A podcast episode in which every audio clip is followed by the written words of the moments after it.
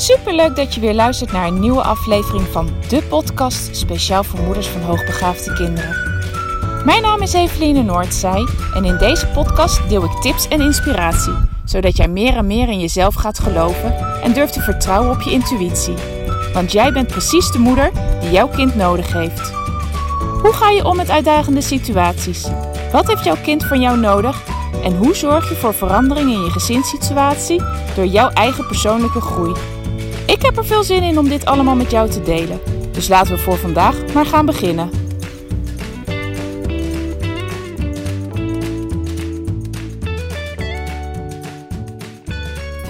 Een nieuwe dag, een nieuwe podcast. Hallo lieve luisteraars. Fijn dat je er weer bent. Inmiddels is het alweer aan het eind van de week, vrijdag alweer. De tijd vliegt zo ontzettend snel voorbij. Het is echt, het gaat zo razendsnel. Ervaar jij dat ook? Ik denk echt, wow, we zitten alweer eind, nou ja, half oktober. Nog even en het is kerst en er is een nieuw jaar. En wow, het gaat echt mega hard. En ja, dat ervaar ik terwijl mijn kinderen niet op school zitten. Maar toen mijn kinderen wel op school zitten, ervaarde ik dat misschien nog wel vele malen meer. Omdat dan een, ja, in een zucht is het jaar voorbij. En in een zucht zit je kind alweer in een volgende groep. En dat is ook wat ik in, uh, in mijn laatste nieuwsbrief deelde. Van weet je, je begint het jaar, het kind is enthousiast, maar tegen de tijd dat het herfst is, ja, is dat enthousiasme vaak alweer gedaald. Ik noem dat altijd uh, uh, witte broodsweken, die eerste paar weken van een schooljaar. En het enthousiasme is bij je kind weg. Of je krijgt weer steeds vaker te horen dat het saai is en dat het niet leuk is. Of vervolgens, hè, ook in het gedrag. Sommige ouders zien het heel erg met name in het gedrag van hun kind. Dat hadden wij ook. Met name bij onze, bij onze oudste zoon. Die vond het toch lastiger om dat in woorden onder, om, uh, om te zetten. En die vertelde dat met name met zijn gedrag. En ja, in, in het begin was dat het moment dat ik de gesprekken pas ging voeren. En vaak pas na de herfstvakantie. Nou ja, het is dan altijd een drukke tijd. Zowel voor thuis, hè, onrustig met Sinterklaas en kerst dat eraan komt. En vervolgens ook voor de leerkrachten. Want er, ja, dat, dat brengt nogal wat werk met zich mee. Ik weet dat vanuit... Uh, betrouwbare bron zou ik maar zeggen. Ik heb familieleden die voor, het uh, uh, voor de klas uh, staan of stonden. Dus ik heb dat altijd van dichtbij meegekregen hoe dat gaat. En ik weet dat die periode gewoon heel intensief is. Sinterklaastijd, de omschakeling snel naar kerst. Nou ja, dat is vaak ook de periode. Dat heb ik zelf ervaren en dat hoor ik ook vaak van ouders terug. Dat dat de periode is waarin er niet heel veel gedaan wordt met je kind, voor je kind. Het is vaak de periode waarin ja, leerkrachten zoiets hebben. Ja, we hebben dingen afgesproken, maar ik, krijg, ik kan het er gewoon momenteel niet bij hebben. Of ik krijg het niet opgestart. Nou voor je het weet zit je weer in januari en dan willen ze vaak eerst de CITO's afwachten. Want ja, laten we maar eerst eens kijken wat daaruit komt. voordat je dan een gesprek hebt, is het al februari. Zit je voor de voorjaarsvakantie. En dan is het alweer maart voordat er iets maar ook aan verandering mogelijk kan gaan starten. En ja, ik, ik, ik vind dit gewoon eeuwig zonde. Het is verloren tijd, want voordat je goed en wel bezig bent, is het schooljaar al in de afrondende fase. En dan ja, komt de zomervakantie eraan. En natuurlijk proberen leerkrachten het over te dragen aan de volgende leerkracht. Maar de ervaring is ook en, en, ja, ik ben benieuwd of jij dit ook herkent. Maar ik, ik ervaarde dat in ieder geval wel zo. En ik ben echt niet de enige. Uh, omdat ik heel vaak van ouders terug hoor. Ja, nou zijn we goed op gang. En dat betekent dat ik volgend jaar weer met een nieuwe leerkracht. Ik kan het weer opnieuw beginnen. Ik kan weer opnieuw mijn verhaal gaan doen.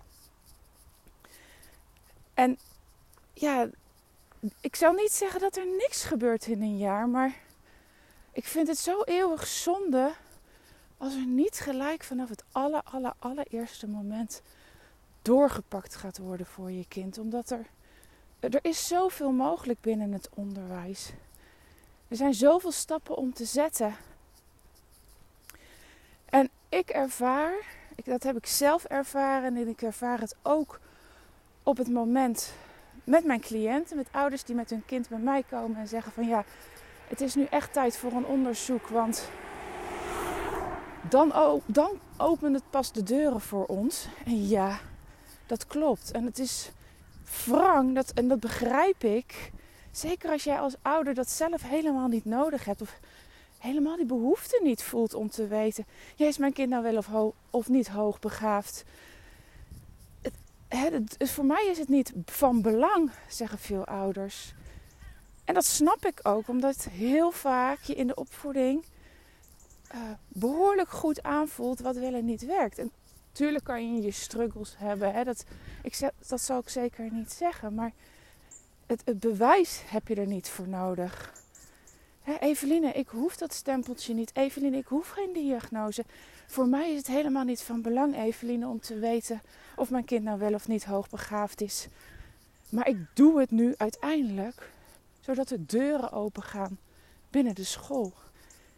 En toen wij onze oudste twee hebben laten onderzoeken, toen heb ik datzelfde ervaren. Ik ervaarde dat hetgeen wat daarvoor niet mogelijk was, bijvoorbeeld met onze oudste, om haar te laten versnellen van eh, halverwege het schooljaar van groep 3 naar groep 4 over te laten stappen. Dat lukte niet. En de, en de leerkracht heeft letterlijk tegen ons gezegd: Ja, maar wij weten helemaal niet of jouw kind hoogbegaafd is.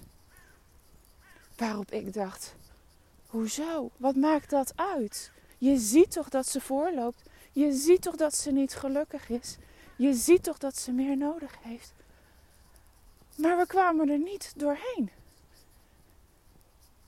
En bij onze oudste zoon, is precies hetzelfde. Hij had letterlijk bij mij aangegeven dat hij graag naar een andere klas wilde. En de verpakking was: ik vind deze juf niet leuk.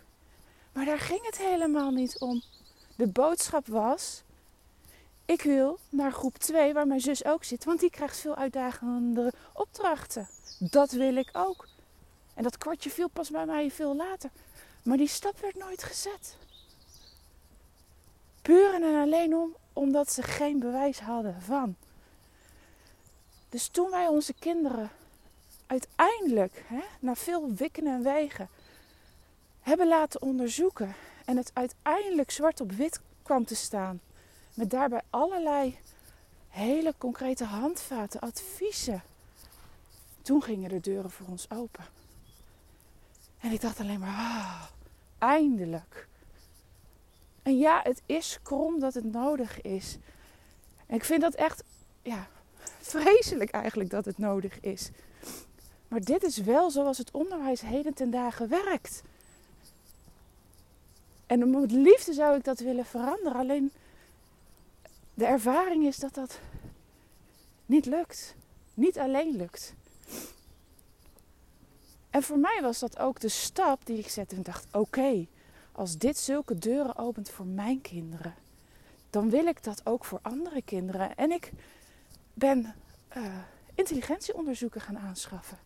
Ik ben me erin gaan verdiepen. En ik ben het gewoon gaan doen. En vanaf de eerst, het eerste onderzoek wat ik deed, heeft het als resultaat gehad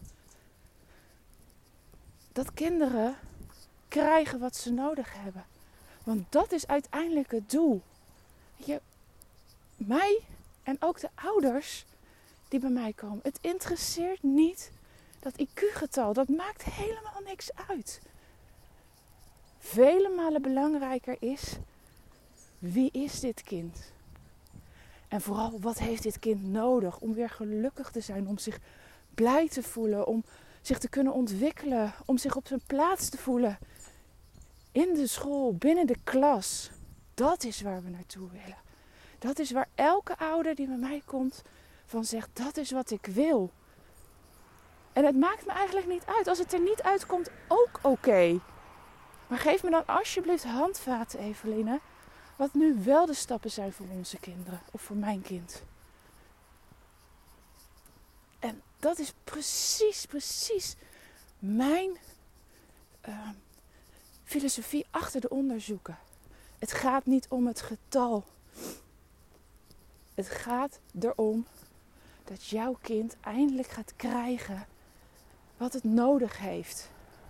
En op het moment dat je die stap durft te zetten, hebt gezet en je ervaart dat dat inderdaad deuren opent, dat jouw kind, dat er veel meer mogelijk is voor het kind.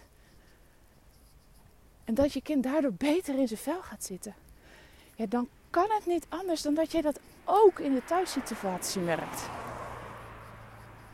Wanneer jouw kind blij naar school gaat, blij terugkomt, het gevoel heeft dat het gezien wordt, dat het begrepen wordt.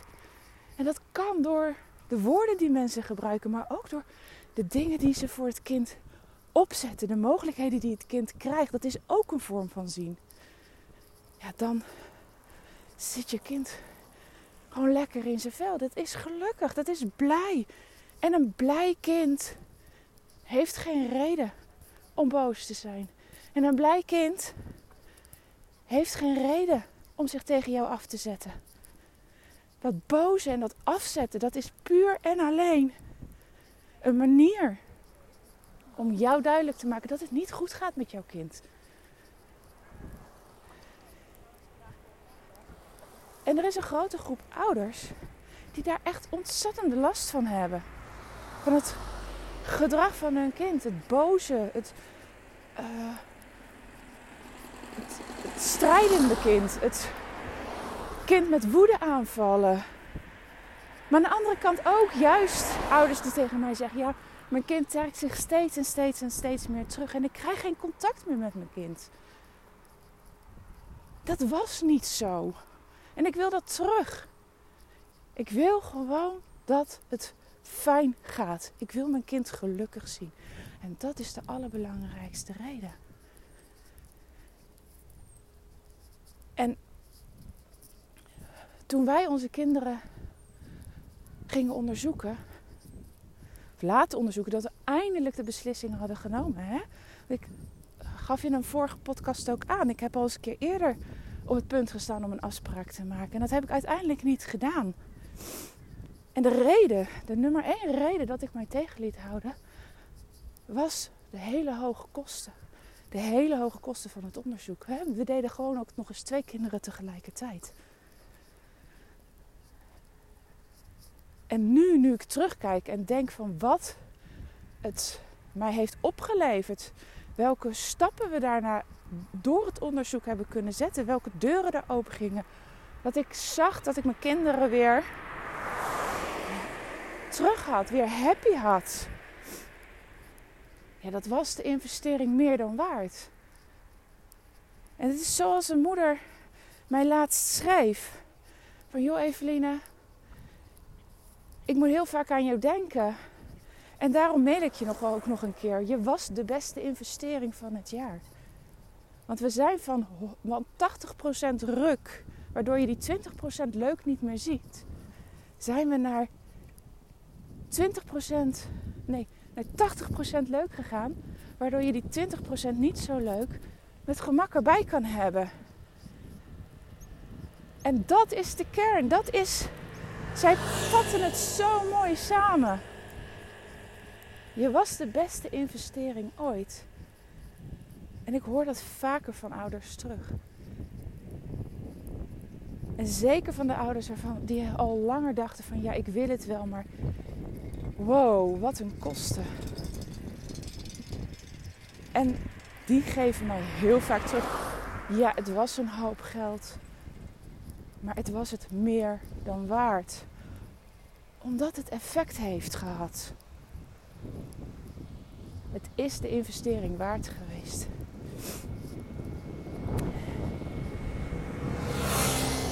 En dat is wat je wil als ouder. Je wil hetgene wat je doet, welke stap je zet. Je wil ook gewoon dat dat iets oplevert. En ik, ik geloof dat de onderzoeken die ik doe een zo betrouwbaar beeld, mogelijk beeld van jouw kind geeft. En daarmee ook dat ik op basis daarvan heel goed kan inschatten wat jouw kind wel of niet nodig heeft. Ik geloof daarin. En het is, dat geloof is de afgelopen jaren nog maar sterker geworden. Omdat ik de kikt afneem.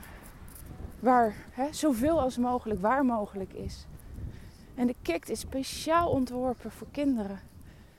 Waarbij het vermoeden bestaat dat ze meer of hoogbegaafd zijn. En het geeft zoveel meer een betrouwbaar beeld. Dat ik,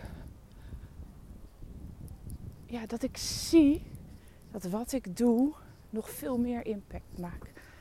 Het als uiteindelijk doel dat jouw kind, de kinderen die ik onderzoek, op hun plek terechtkomen. En het mooie was, toen wij in Kroatië zaten, toen is er een kaart bij ons bezorgd op de praktijk. En ik vond het zo mooi dat iemand de moeite neemt om een kaart te sturen met de tekst voorop: Ik wil je bedanken. En waarin deze ouders schreef: Weet je, wij willen je gewoon bedanken wat je voor onze zoon hebt gedaan. En wij zijn zo blij dat we voor jouw expertise hebben gekozen. Zeker nu we zien hoe goed het met hem gaat. En deze jongen schreef zelf dat hij zo blij is met zijn nieuwe school. En die stap is alleen maar, hebben ze alleen maar kunnen maken doordat zij keuze hebben gemaakt om, die, om, om dat onderzoek te laten doen. Ik, ja, ik vind dat prachtig als ik dit soort dingen hoor, want dat is, dat is de kern van mijn werk. Nou, ik ben er in ieder geval heel gepassioneerd over. Maar ben jij nou een ouder die op die wip zit en denkt van ja, wel niet onderzoeken. Ik weet het niet, ik twijfel. Neem even contact met mij op. Weet je, ik luister heel graag naar je verhaal en ik adviseer je heel graag of een onderzoek hierbij gaat helpen. En zo ja, welk onderzoek en hoe uitgebreid. dus schroom niet. Neem even contact met me op. Je krijgt gewoon een eerlijk antwoord van mij. Want jullie zijn er niet bij geholpen als we iets gaan doen wat geen effect heeft. Dus ik zal nooit, maar nooit te nimmer een onderzoek adviseren. Als dat jullie niet verder gaat brengen. Als ik maar enigszins de twijfel heb of dat wel de goede stap is geweest. Of de, de goede stap zal zijn. Dus voel je vrij. Weet je, we kunnen gewoon vrijblijvend even met elkaar babbelen. En Goedemorgen. Zo'n afspraak kan je ook via mijn website www.specialistinhoogbegaafdheid.nl zelf inboeken. Goedemorgen. En ja, als jij het jezelf, je, jezelf, ja, en dat is ook hè, jezelf ook gunt, maar vooral je kind gunt, kom dan alsjeblieft en, en zorg, zorg dat jouw kind gelukkig is. Want dat is waar wij als ouders ten alle tijden voor doen. Dat is wat je wil. Nou, ik ga een eind breien. Want ik kan hier nog een hele tijd over doorpraten. Dank je wel weer voor het luisteren. Ik uh, ja, spreek je maandag weer. Want het is alweer uh, het weekend staat alweer voor. Fijn weekend en tot maandag. Doei doei.